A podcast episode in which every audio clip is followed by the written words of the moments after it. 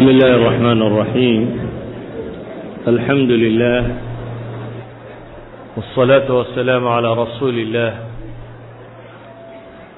اللهم صل على محمد وعلى آل محمد وبعد اللهم وفقنا لما تحبه وترضاه and waxaan rajaynayaa inay noqoto muxaadaradii sagaalaad oo aan isku dayayo inaan ku gebagabayno darsiga kan. Waxaynu joognay ciidamadii muslimiinta oo soo gudbay oo yimi dhulka falastiin waxaanu isticmaalay qutus khita ama khuta ay leeyihiin waa ku cusub tahay qaab dagaaleedkii wakhtigaasi socday wuxuu isticmaalay inuu geeskiisa geeshka ama ciidankiisa u sameeyo muqadama ama koox hore oo ka fog ciidan weynaha muslimiinta. Kooxdaasi wuxuu ka dhigay koox badan awal dalaa'icda ama muqadamada ciidanku dad yar bay ahaan jireen. Wuxuu ka dhigay ciidan aada u tiro badan. Isla markaa ciddii ay la kulmaan waxa ay u qaadanaysaa in ciidankii oo dhami kan yahay oan waxba ka dambaynin ciidankaa koowaad wuxuu dhiibay markaasi ciidamadii masar wakhtigaa joogay qaa'idkii ugu caansanaa ninkii bibros la yidhaahdo oo ah markaa qaa'id muxanaka dagaaladii qudus lagu xoraynayo hore ka qayb galay iyo kuwii crusadiska la yskaga celinayeyba yacni nin tobannaan sannadood dagaal ku soo jiraya oo ciidamadiisa wato markaa wato markaa falastiin wuxuu soo galay baa la yidhaahdaa six kun laba boqol iyo lixdankii miilaadiga wakti ku beegan.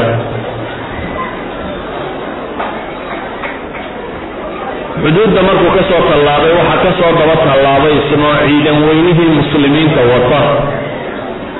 Qutus oo ah madaxweynihii mamlakada muslimiinta ah isagaa wata ciidamada laftoodii oo isna hogaaminaya. Sidii la filayey tataarkii markii ay la kulmeen meesha khaza la yidhaahdo tataar baa haystay laakiin xaamiyo yar muslimiinta inta laga adkaaday baa meel walba koox yar la dhigaa kooxdaasaa ka taliso aan cidina ku dhicin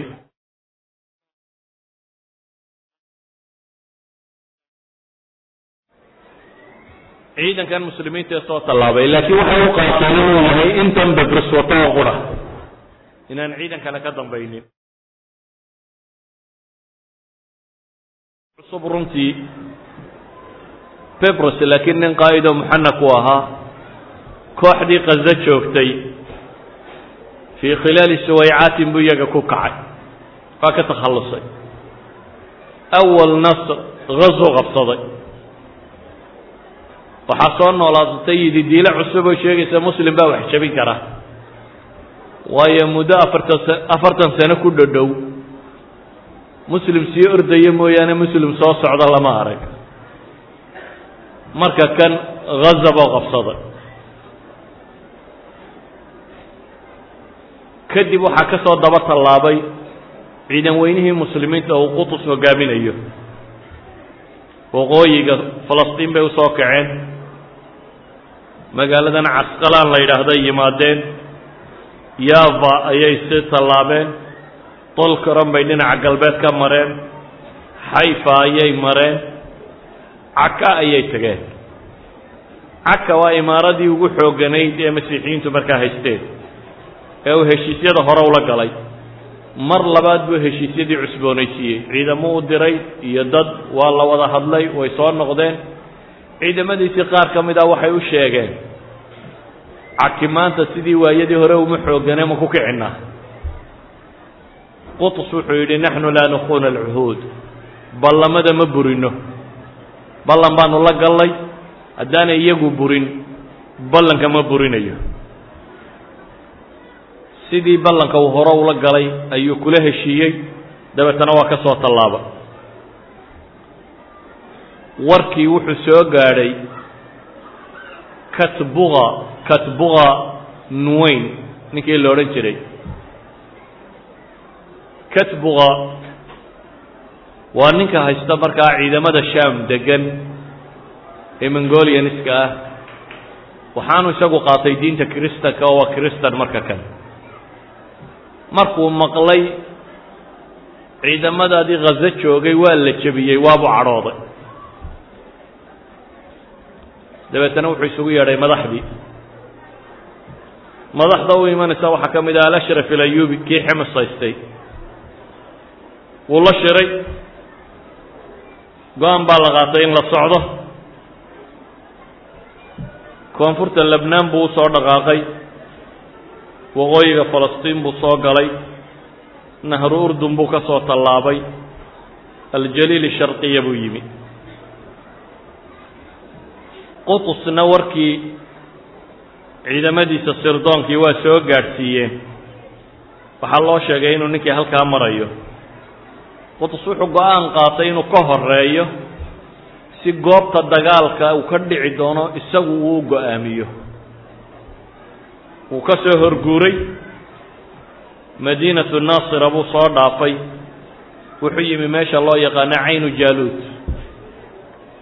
Caynu jaaluud dhul ahaan waa meel bannaan oo waasica oo buuro yari hareeraha kaga soo wareegsan yihiin oo hal albaaboo qurho laga galo leh oo buuraha dushooduna kayn ay tahay. Marka waa bannaan hareeraha ka xidhan oo buuro iyo kayn dul saaran ay hareeraha kaga xigan yihiin xagga waqooyina ka bannaan. Wuxuu qaatay markaasi go'aan ah waa mawqica goobtan inuu dagaalku ka dhaco. Goobtani waxaa la yidhahdaa mawaaqic taariikhiya u dhowday. Xatiin tii uu jebiyey crusaideska sheekii la odhan jiray salaaxuddiin ilayub lixdan iyo shan kilomitr bay u jirtaa waaqacadii saxaabadu gashay ee yarmuukna lixdan kilomitr bay dhanka galbeed ka xigtaa. Waa meeshaa bannaan ee noocaasiya ciidankiisa qaab buu u saleeyey ah muqadamadii uu watay bebres iyo ciidankiisa dhammaantood wuu qariyey. Waxaa lagu qariyey kaymahan ku wareegsan buuralaydatan saaxadii dhexana waa bannaan tahay. Ciidamadii ay wateen tataarku markii ay soo gaadheen afkii hore ee meesha ayaa waxaa amar la siiyey oo ciidamada ay halkaa marayaan. Dhanka kale markaynu dib ugu noqonno tataarka dowladdii weyneyd ee tataarka waxaa dhintay ninkii hoolaka ay walaalahayen madaxweyne ahaa ee manco khan la odhan jiray. Dabeetana laba kale ay hoolaa ka walaalayiin oo ariiq bokan nin la yidhaahdo iyo qablay baa isdilay oo madaxnimadii isku dilay. Nin isagu islaamay oo barka khan la yidhaahdo oo ina joojiya jinkis khan baa awowsna u ah oo meesha ka odayeynayaana wuxuu raacay ariiqa buka hoolaakana wuxuu rabay labadiisa walaal qablay inuu meesha qabsado. Hoolaaka ciidamadii qayb ka miduu sham dib ugula no ayuu sham kala noqday oo tabriis buu dib ugu laabtay. Ninkanna wuxuu kaga tegey meesha.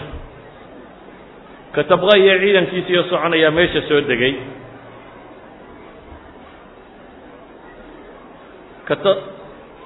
katbuga bay u akriyaan be katbuga ninkan la yidhaahdo waa nin aada u kibirsan. Dhan marka laga eego waa rugcaddaa dagaalyahana. Ninkani nin da-yar maaha waa nin ugu yaraan lixdanka dhaafay. Waa nin afartan sano ku dhowaad dagaal ku jiray. Jankis khan ciidamadii la soo bilaabay buu ka mid yahay. Jankis khanna waktigan hadda la joogo ee caynu jaaluut ay dhacayso afar iyo soddon sano ka hor buu dhintay. Afar iyo soddon sano ka hor ninka dhintay buu dagaalada kula jiray. Dadminis waa nin afartan sano ku dhowaad janan goob dagaale taagnaa weeyaan waa khabiir yani caskariya laakiin markan isla weyni baa haysta oo dee weligii lama jebin. Umana haysto muslim baa wax iska celin karaba wuxuu ka cadhaysan yahay khazadii laga soo tallaabay. Dabeetana isagoo cadhaysan buu meesha yimi halkuu soo degay. Muslimiintii reer miyiga ahayd iyo magaalooyinka iyo tuulooyinka deganeyd iyo shacabka ahayd markay ogaadeen qutus inuu dagaalku ka dhab yahay ciidamo fiicanna wato dagaalamayana. Waa la wada xamaasadooday baadiyaha iyo dhulka dhan baa laga soo kacay. Waa la soo raacay waa kula jihaasamaynaa baa la yidhi dadkani waagii hore xaggay ku maqnaayeen markay kooxda yare tataarkii intay dhex bartay ilaa khazo haysatay. Qudwo iyo imaam iyo cid ay ku daydaan baanay haysanin. Cid hogaamisaanay haysanee shacab iska fara maran bay ahaayeen. Markan see qudway arkaan cid ay raaci karaan baa u muuqata. Waa la wada dabagalay qutus marka dadkii muslimiinta u yimi ee beereley iyo reer miyiga iska aha wuxuu arkayaa inaanay ahayn dad caskarinimo u tababaran waktiganina wakti uu ka gaadhsiin kara maaha. Dadkii oo dhan wuu qaatay laakiin wuxuu aqbalay. Ciidamadiisoo dhan inuu u tafriiqiyo ama ugu talagalo dagaalka iyo frontka inay galaan. Dadka kanina wixii logisticska inay iyagu ka shaqeeyaan. Oo dadkani hadday kuug noqoto hadday hubka safayntiisa noqoto hadday dadka buka iyo dadka dhaawacmo noqoto hadday wixii shaqo gacmeed ee la dirayey hadday fardaha iyo soo daajinteeda noqoto hadday fardaha iyo geedasiinteeda noqoto biyo keenis noqoto wixii shaqo e kale ayuu u xil saaray inay qabtaan. Ciidanku dhammaantiina inuu u baxo dagaalka keligii inuu galo. Iyo asawaad ilacdam tirada inay badiyaan oo meesha marka dee ciidan yari ka muuqdo iyo marka dhulkuba soo madoobaado waa dagaal nafsiya xarbi nafsiya bay ku haynaysaa cidda ka soo hor jeeda intaa waxa ka weyna uu u diray silaaxii dhabta ahaa oo ah inay rabbi tuugaan oo baryaan dumarkii iyo carruurtii iyo wixii in wardiga loo hayo oo rabbi loo baryo subxaanahu wa tacaala. Dagaalki isagoo halkaa ciidamadii isu safteen ay marayso ciidamadii muslimiintuna weli ay qarsoon yihiin oo aanu arkaynin ninkii la odhan jiray katbuqa ayaa cid marka ilaahay jebinayo ilaahay baa wasaaisha hagaajiya. Nin ordayuun baa u yimi muslimiintii. Wuxuu yidhi waxaan ka socdaa sarimuddiin aybak baa isoo diray. Sarimuddiin aybak waa muslimiintii shaam lagu qabsaday ee dabeetana khidmada ka qayb gashay gaalada soo raacday. Miyaa la qasbay? Mise can tawcan buu u soo raacay? Allahu aclam. Oo markaas ka tirsan ciidamada war buu u soo dhiibay ninkan sina uu faafinayo muslimiinta u gudbinayo. Wuxuu ku yidhi u tag ninka qutus la yidhahdo waxaad ku tidhaahdaa waxay soo diray sarimuddiin aybak. Waxaad u sheegtaa marka koowaad ciidanka tataarku xooggii laga biqi jiray ma laha waayo wuxuu ogyahay in hoolaako qayb badan dib ula noqday.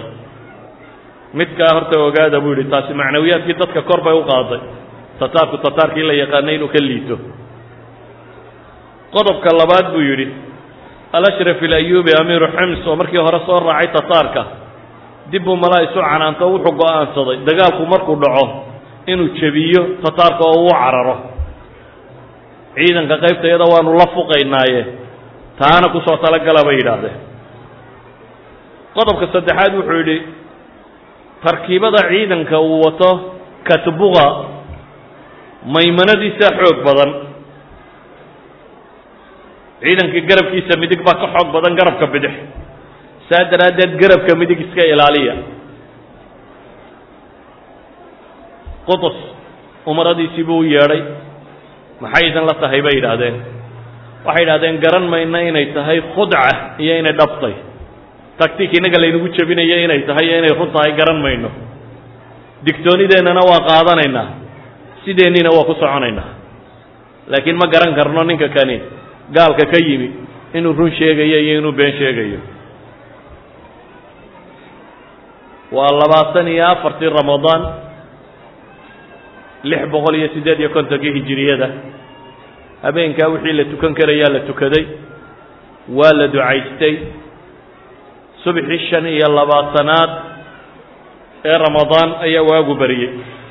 Markaasaa amar wuxuu siiyey qutus inuu ciidanku hogaaminayo bebros ee muqadamada ahaa ay soo dhaadhacaan. Buuraleyda iyo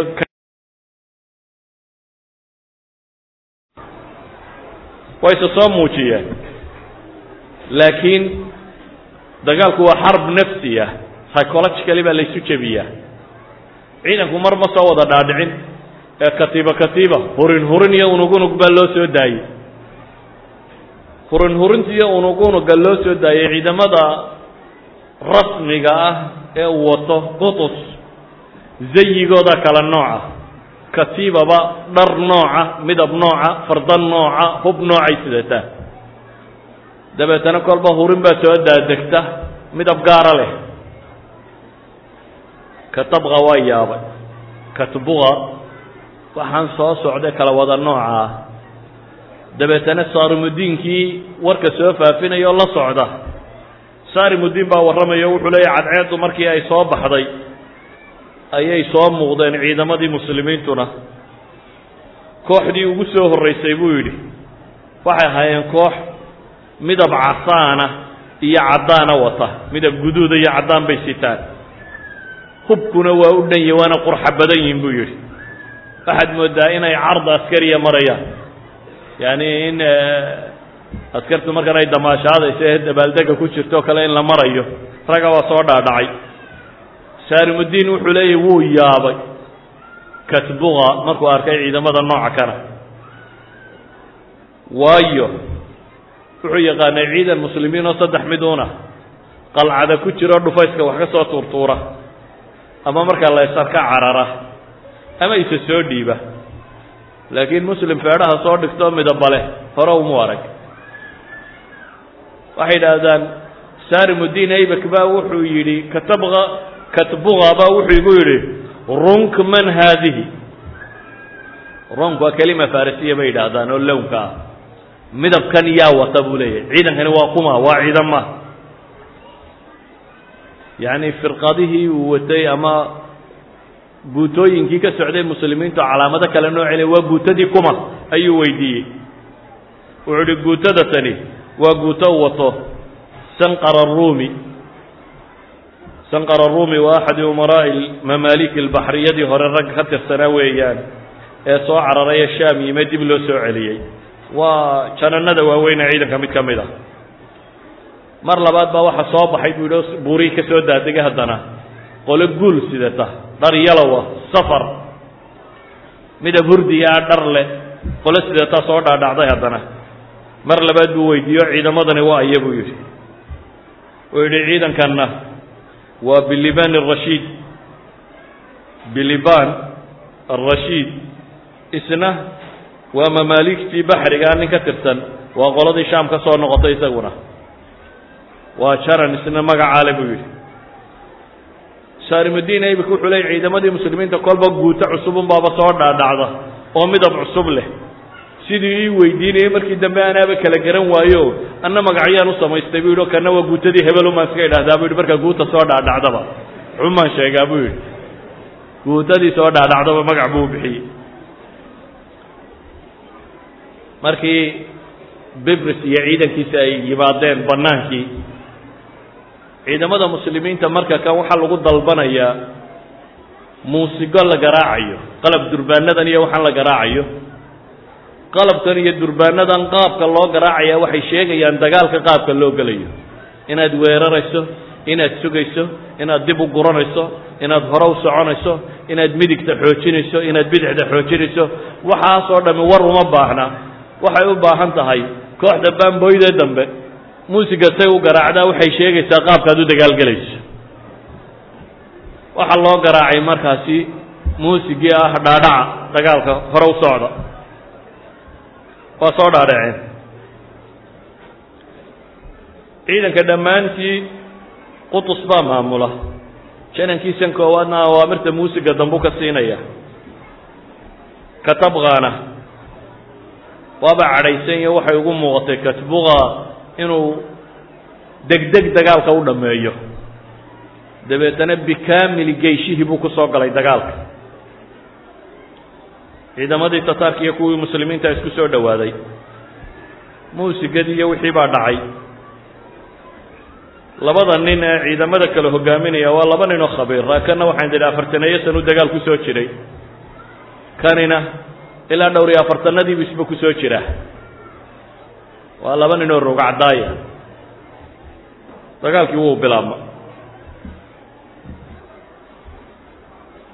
iyadoo tataarku xooggoodii o dhan ay adeegsanayaan. Muslimiintu dagaalka waxay ku tala galeen khudo saddexaba la soo siiyey pepris inuu ku dagaal galo.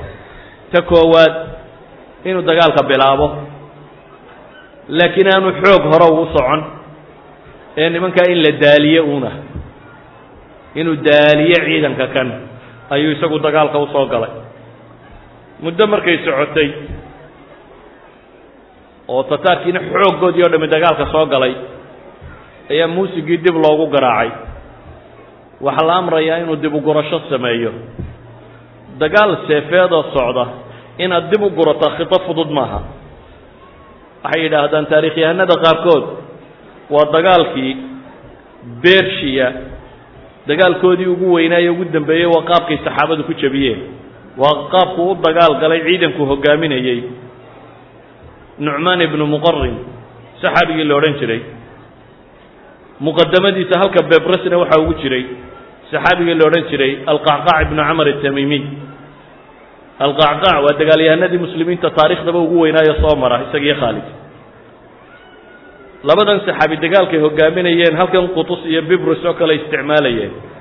Khudada dagaalkaasi waxay ahayd in la galo muqadamadu ay dagaalka gasho ay u beenguurto soo jabto meel khatara markay ciidamada kale soo wada galaan kuwa kale muslimiintuna hareera inay kaga yimaadaan oo saasi dagaalkii bershiya loogu dhameeyey waqaafku u dhacay. Nafsu shaakila buu damcay qutus inuu ka faa'iidaysto. Marka waxaa la faray bebris inuu dagaalka hore u qaado markay ciidanka uu bahalka o dhami soo galaan inuu dib u gurto waa se khatar.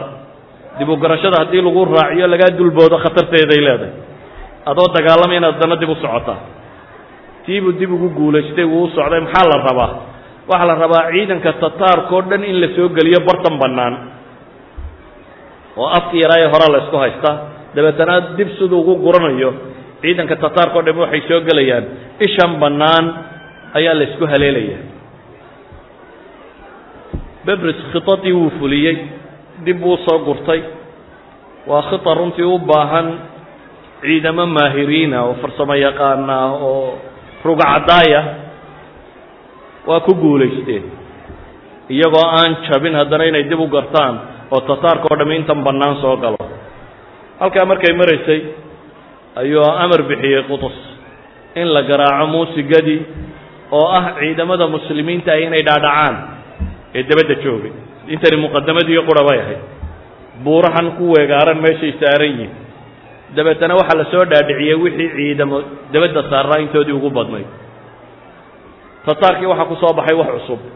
Awal waxay islahaayeen intasan canka geliya xooggoodii oo dhan intan bay ku isticmaaleen. Ciidamo ixtiyaad iyo meel may dhiganin iyagu dhammaantood dagaalka way ku jiraan. Laakiin ninkan daaliyey waa kooxdii muqadamada wadato qura ninkii ahaa. Waxaa soo dhaadhacay markaa ciidamadii muslimiinta ah oo dhan. Weliba wuxuu soo diray koox iyadu waddada xidha. Halkii la iska soo riixiyo koowaad iyadu xidha. Meeshii waa la awday. Dagaalku marka kan wuu isbedelay. Tataarkaa wax riixayey muslimiintiina meeshay ku soo weegaarmeen labada kooxood kooxun baa hadda la waayaya.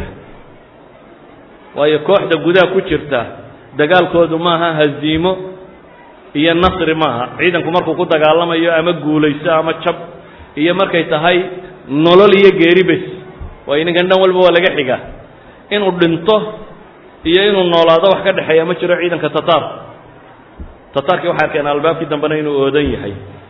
Waxay go'aansadeen markaa dagaalkama dambaysa inay dagaalamaan. Waxay dagaalameen dagaalo aada u xooggan. Sidii uu saarim saarimuddiin aybak uu sheegayey maymanadii tataarku way la soo kacday maysaradii muslimiinta. Rag xoog badan ba ahayn waa soo kiciyeen qutus oo weli dusha ka daawanaya ayaa wuxuu arkay maysaradiisii oo lala soo kacay. Dabeetana ciidan kaluu ku xoojiyey waa lala soo kacay. Marka lala soo kacay waxay ku dhowaatay inay waqacaddu isbedesho oo ah tataarku dhankan hadday soo jebiyaan inay iyagu dusha wada maraan oo muslimiintu gudaha gasho. Oo khudadii muslimiintu ay dejisay iyaga inay dib ugu noqoto. Qutus markaasuu go'aansaday inuu isna dhaadhaco. Isaga iyo ciidamo wuxuu watayna wuu soo dhaadhacay. Muslimiinta si aad baa loo cadaadiyey. Qutus wuxuu go'aansaday markan inuu geeriyoodo wuxuu iska dhigay koofiyaddii birtee u sitay. Dabeetana isagoo aan waxba xidhnayn buu dagaalka galay. Wuxuu galay isagoo qaylinaya oo weedha ah taariikhda caanka ku ah waa islaamaah isagoo le buu galay. Yacni waa islaamaah waa tallahi islaamkiiye isagoo leh ayuu dagaalka soo galay. Raggii dagaalamayey markay arkeen qaa'idkoodii ugu dambeeyey boqorkiioo dagaalka ku jira oo aan koofiyad dagaal xidhnayn oo dagaalkiina adag yahay. Waxaa sbrit ruux baa dib u gashay macnawiya oo dagaalkii dib bay u xoojiyeen. Waa iska dhiciyeen. Maymanadii soo riixaysay dib bay isaga dhiciyeen. Qutus markuu dagaalka bilaabayba nin baa waran la egtay fallaadh la egtay oo faraskiisaa la dilay. Isagoo bilaa faras u dagaalka gala axad alquwaadi almuslimiin baa uga daadegay faraskiisii oo le amiir almuslimiin fuulkan wuxuu ku yidhi xooggaaga ama nafcigaaga muslimiinta ka hakran maayo fuushanow anigu saan baan ku dagaalgelayaaye isagoo aan faras wadan oo koofiyaddii birta hayd sidan ayuu dagaalka galay kadib baa lala soo gaadhay fardihii reserveka ahaa qaar ka mid ah isagoo weli dagaalka ku jira waa la canaantay markii dambe waxaa la yidhi muslimiinta waad jabin gaadhay. Haddaad adiga lagu dili lahaadoo bilaa farasoo bilaa waxba haddaad dagaalka iska soo gasho oo si kastaa lagu dilayaayo muslimkaad jabin lahayd wuxuu ku jawaabay anigu haddaan dhintana jannaan geli lahaa. Islaamkuna rabbi aan dayacayn buu leeyay aniga ii dayacmi maayo. Imisaa fulaan iyo fulaan iyo fulaan geeriyooday buu yidhi aniga hortay oo qaa'idiin muslimiin oo la yaqaanay ilaahay baa le kan oo ilaashanaya. Dagaalkii marka kan wuu isbedelay muslimiintii waa iska soo celiyeen maymanadii waa la soo kaceen. Xad baa laysla soo gaadhay katbuqa laysula yimaado. Ciidamadii weerarka waday waxaa ka mida nin la yidhaahdo jamaaluddiin aquush shams ashamsiy. Jamaaluddiin aquush waa raggii iskaga soo hadhay naasir yuusuf markuu dagaalami waayey dimashik iskaga soo baxay. Ee ciidamada u ahaan jira oo ku soo biiray. Qutus iyo ciidankiisa. Jamaaluddiin aquush ayaa katabqa madaxa ka gooyey. Katbuqa isagoo u haysta un dee waaxid ka mida tataarka aan ogeynba inuu yahay ninkii meesha watay. Ayuu kow kaga siiyey sinaariyogii dagaalku markaa uu isbedelay waxay u muuqatay inay jabayaan. Laakiin marka kan meel ay ka baxaan ma jirto. Waa inay ama isdhiibaan ama madhaan hadday isdhiibaanna in la laynayo way garanayaan. Waxay go'aansadeen inay waddo furtaan. Xoog bay u dagaalameen. Dariiqii waqooyiga ee meesha ka bannaanayd bay furteen. Dabeetana way ka baxeen. Waa yaaceen meel labaatan kilomitr u jirta caynu jaluto besaan la yidhaahda bay degeen. Muslimiintii waa ka daba timi qutus wuxuu rumaysan yahay. Meeshan ama muslim dambe in la waayo ama tataar dambe la waayo uu ka daba yimi. Bisaan baa la isugu yimi haddana. Mu'arikhiintu waxay dhahaan dagaalkii hore ka kulul baa ka dhacay. Waxaanay ku dhowaatay mar labaad in muslimka lala soo kaco waa la itixaamay laakiin maadaama ay dad badanoo mukhlisiini ku jireen ay ahay dartiina u dagaalamayaan ilaahay wuu sugay. Mar labaad bay keensatay baa la yidhahdaa qutus isagoo waa islaamaale inuu goobta galo. Iyadoo lala soo kici gaadhay ayuu haddana dib goobta u galay. Muslimiintii markay arkeen madaxdoodii oo dagaalka frontka kaga jirta waa adkaysteen iyana qudus waxaa la yidhaahdaa maalintaasi wuxuu ku ducaynayey yaa allah unsur cabdaka qudusa cala tataar ilaahay oo addoonkan quduse u hiili. Ilaahayna subxaana wa tacaala waa u hiiliyey. Ciidan aan afartan sannadood la soo jebin ayaa can bikrati abihim la tirtiray jeishu tataar ee meesha marayey waa la mariyey muslimiintuna waa guulaysteen. Markaasuu qutus sujuuday isagoo wejiga dhulka ku xoqaya oo ilaahay subxaana wa tacaala uu mahad celinaya dimishik boqol iyo konton kilomitr bay u jirtaa. Qutus waxaa ka go'aana shaam inuu ka saaro dabeetana intuu ciidamadiisii iyo dadkii dhaawacmay iyo waxaan meydka aasanayay urursanayey ayuu waraaq u diray. Reer dimishik uu leeyahay biidn illaahi waan soo socdaa. Gaaladiina waa soo jebiyey. Magaaladii markay maqleen gaalkii baa la jebiyey.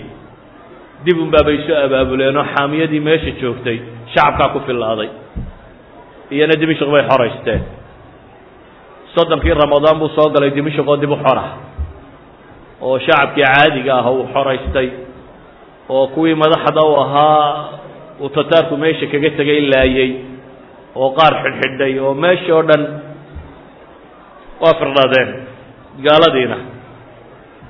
Sida kagamuu hadhine qaa'idkiisii muhimka ahaa ee bibrus buu ka daba diray wuxuu u daba diray inuu shaam oo dhan xoreeyo. Qaadi dimishik ee ibnu turki la odhan jiray way casileen. Najmudiin ababakar nin la yidhahdana qaadaa laga dhigay. Muslimiintii waxay ciideen. Ciid ciid alfitri ah farax iyo guulla ah ayay dimishik ku ciideen. Febris ciidankii wuu waday. Magaaladii xalab buu galay. Xalab xaamiyadii tataarkee joogtayna cagtuu mariyey dhowr toddobaad gudahood ayaa shaam oo dhan lagaga saaray nimanka tataar la yidhaahdo say u dhammaayeen.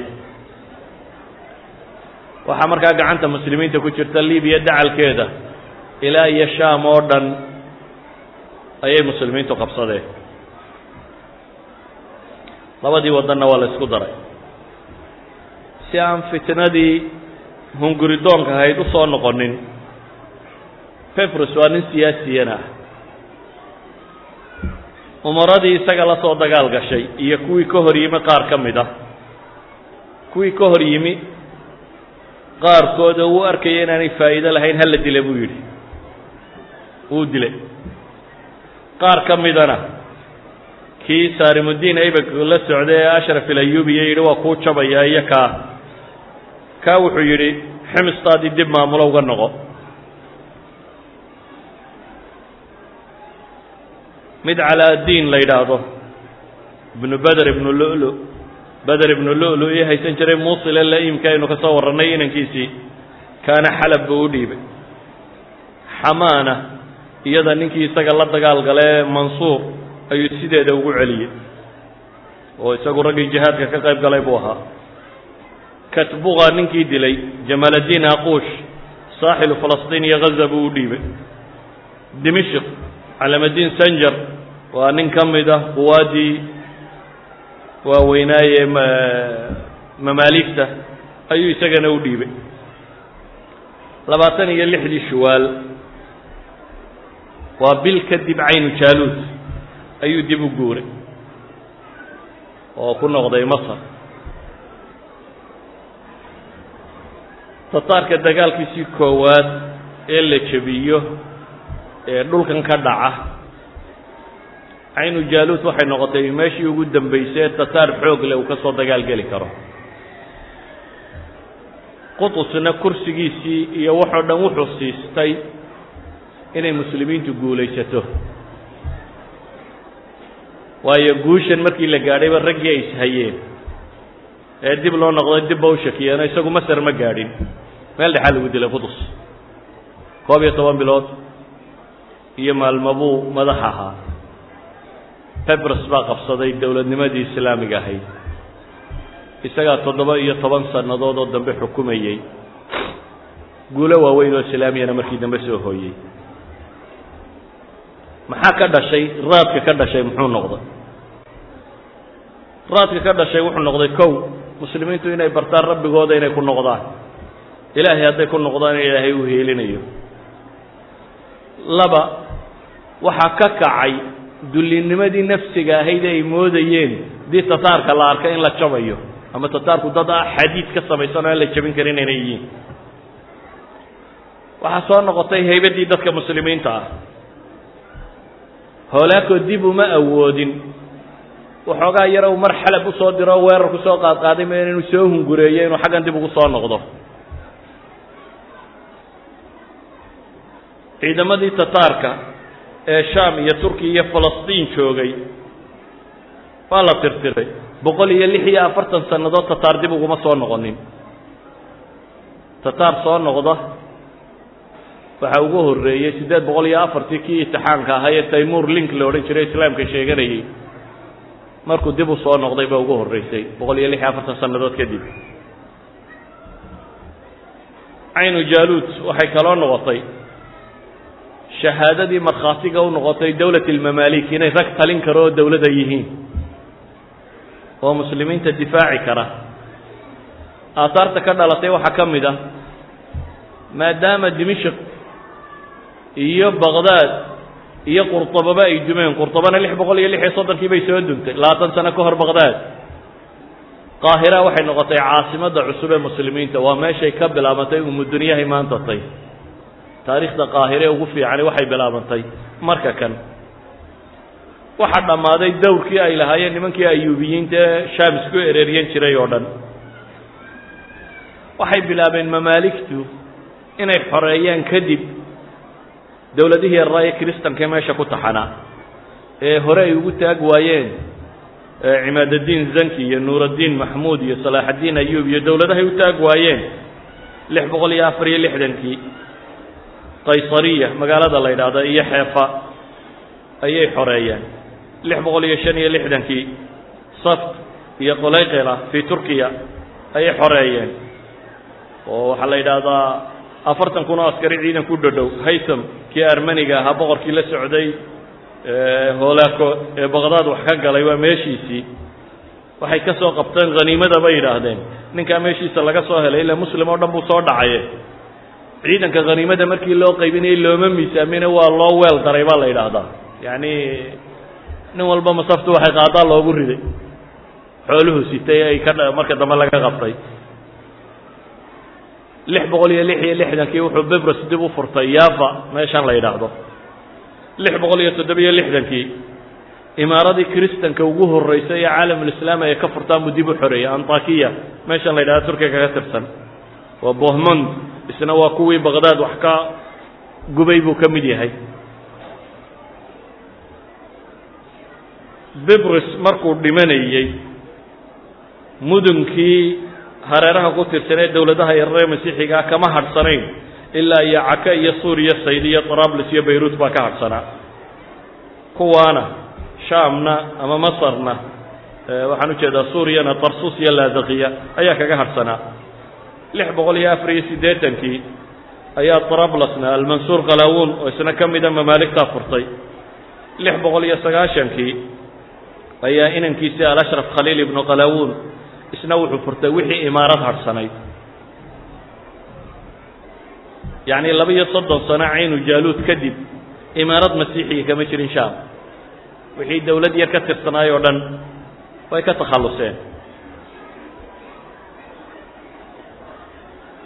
intan waxaa ka weynoo u baahnaa inaan si dhaba uga warramo laakiin maadaama muxaadaraadkani dheeraadeen aan dul marayo kuwan aan ka warramay waa jeeshkii muslimiinta ee ciidanka ahaa.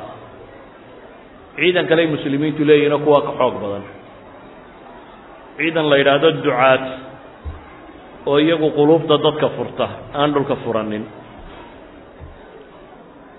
Taariikhda dunidana dib u bedela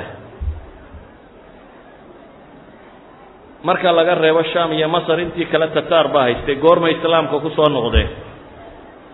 Waxay ku soo noqdeen iyagana. Rag baa u xidhxidhay. Quluubta reer jankis khan inay furtaan oo ay dowlado islaamiya ka dhigaan. Waxaa bilaabmay. Jankis khan wiilashiisii inta badan dagaaladay ku dhinteen iyo waxa kan. Kuwa awowga u ahaabaa islaamku ku bilaabmay markaa waxaa islaamay barka khan.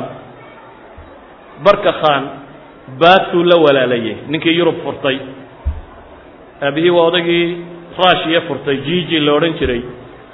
Jijaweyna jinkis khan. Baato iyo barkaa walaala ah oo ilmo jiijiya barka wuxuu noqday ninkii ugu horreeye islaama. Sida taarikhyahanada barh qabaan waayo taarikhyahanada barh kala waxay qabaan. Barka wuxuu ka tirsan yahay alusi dahabi. Yacni markuu dhimanayay jinkis khan waddanadii xukumayay o dhan wuxuu u qaybiyey afartii inanay ugu waaweynaaye u dhalay. Marka alusa dahabi rushiya iyo waxa ku xeeran ee ka hooseeyo oo dhan waxa la siiyey batu inuu xukumo. Batu markuu dhintayna akhiiran waxaa qabsaday barka khan. Barka khan waa ninkan aan kuleey waa nin muslim uu noqday oo alimaam albakarzi bakarzi sheekha la odhan jiray waa sheekh muxaditha imaam dahabi wuxuu leeyahay rajul muxaditha oo zaahida oo ahariya oo caalimo buu ahaa. Mararka qaarkood laakiin suufinimona wuu qabay. Oo simaacan xatradana waa yaro dhegaysan jiray. Salaatu tasaabixna jamac buu ku tukan jiray bay yidhaahdaan. Laakiin waxaa nin caalimo laga haybaysto raggaa iyo ragay ka mid yihiin ayaa dad badan quluuftooda ilaahay ku furay. Iyagu markaa alqabiila dahabiya bay ahaayeen. Barka khan markuu muddo waday isaga waktigiisii dadku ma wada islaamin laakiin konton sano kadib dowlad islaamiya weyn bay noqotay. Qabiilka labaad waa jaktai jaktai waa ninkii ugu adkaa ee uu dhalo jankis khan ee madhabkii alyaasik fulinayey oo muslimkana la col ahaa qoysaskiisana qayb ka mid ay kristanka ku xidhnaayeen. Aad buu muslimka colula ahaa. Waktigiisii wuxuu mamnuucay xoolaha in la gowraco halka ah laga dalooliye buu yidhi. Muslimkana baktigaa cunaysaa buu ku xukumay wuxuu mamnuucay waktigiisii in webiyada laga weysaysto. Iyo dhulkaasi oo dhan buu ka mamnuucay. Nin aada u axmaq u ahaa wuu dhintay isaga qoyskiisii waxaa dhaxlay mubaarak shaah mubaarak shaah daa'irat almacaarif iyadu waxay sheeganaysaa inuu yahay ninkii u hor islaamay ee qoyskan ka mid a waxaan filayaa lix boqol iyo afar iyo afartankii meelaha ah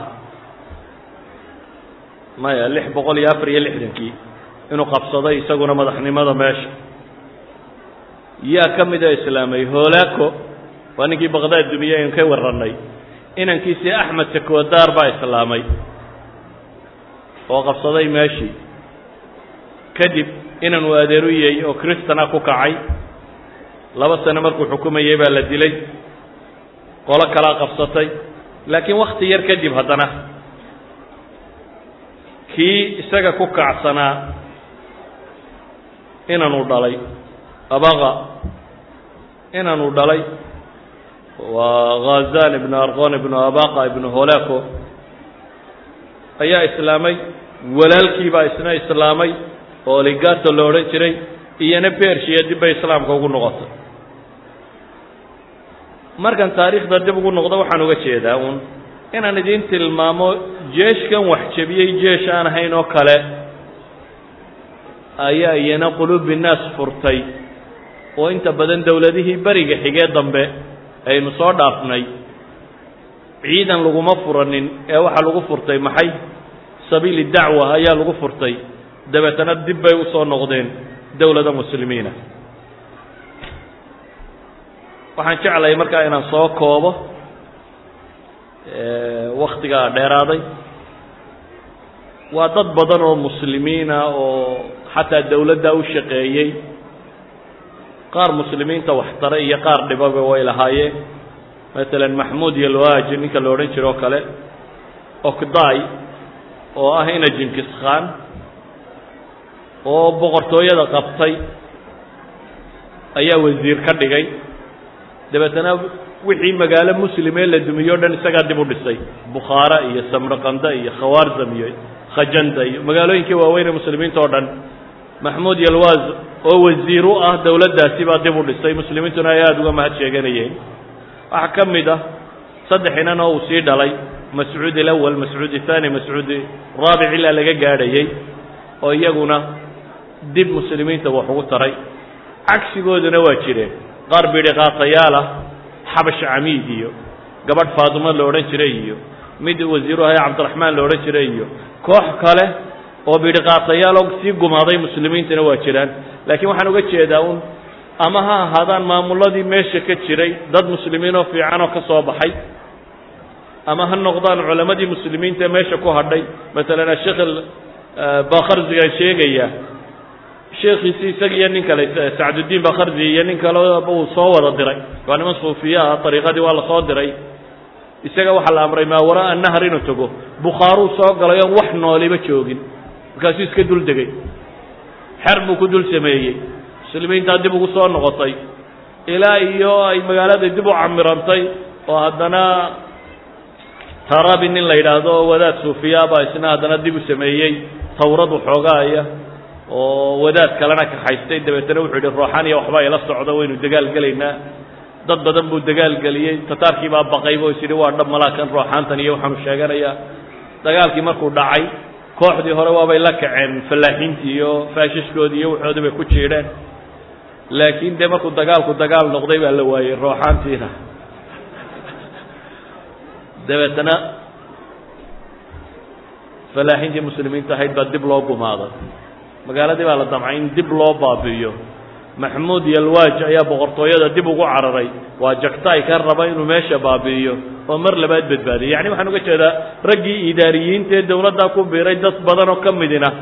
Madaaristii islaamiga ahayd iskuulladii islaamiga ahayd magaalooyinkii islaamiga wixii muslimiinta dib bay u soo celiyeen. Raggii culammada ahaana quluubtii dadkii muhaajimiinta ahayd bay furteen ilaa taarikhyahanadu ay yidhaahdaan lama arag ummad la jebiyey oo kii jebiyey uu diinteeda qaato. Taarikhda waxaa la yaqaanaa ummad la jebiyey oo qaadata maxay? Ninka wax jebiyey dee diintiisa. Laakiin ummad wax la jebiyey oo kii jebiyey ka xoog batay haddana uu iyaga diintooda qaadanayo. Dariskan oo dhan ama darsiga kan sidaa u taqaaniin. Dantan ka lahaa hal wax bay ahayd. Oo ah taariikhdu maanta may bilaabmin haddii maanta muslim jabay waayo horoo la jabay baa jirta. Haddii maanta dad gaajoodeen taarikhdii o dhan kama warrami karaya masar wakt dadkii la cuni jiraa jirta gaajo daraaddeed. Casriganaan hadda ka sheekeynayo boqol sano ka hor masar dadkaa la cuni jiray. Xataa dhakhaatiirta. Dhakhtarradu waxay khatar galeen. Dhakhtar baa la odhanaya kaalay dad soo dawee shawsagaa la rabaaba in la bireeyo waa la gawracan jiru markuu guriga soo galo xadkaasay gaadheen hadday gaajo tahay hadday baahi tahay hadday dagaal tahay hadday colaad tahay wax ka foolxun baa soo maray. Laakiin intaba dad baa ilaahay gacantooda dib ugu nooleeyey. Laakiin waa markay qaateen maxay? Asbaabta saxda ah. Asbaabta saxda ah. Qutus waxaynu soo marray asbaabtuu u maray inuu guulaysto. Ayaynu soo tilmaamnay. Sheeko ugamaan jeedin ee waxaan uga jeedaa in dadka muslimiinta ay dib uga cibro qaataan.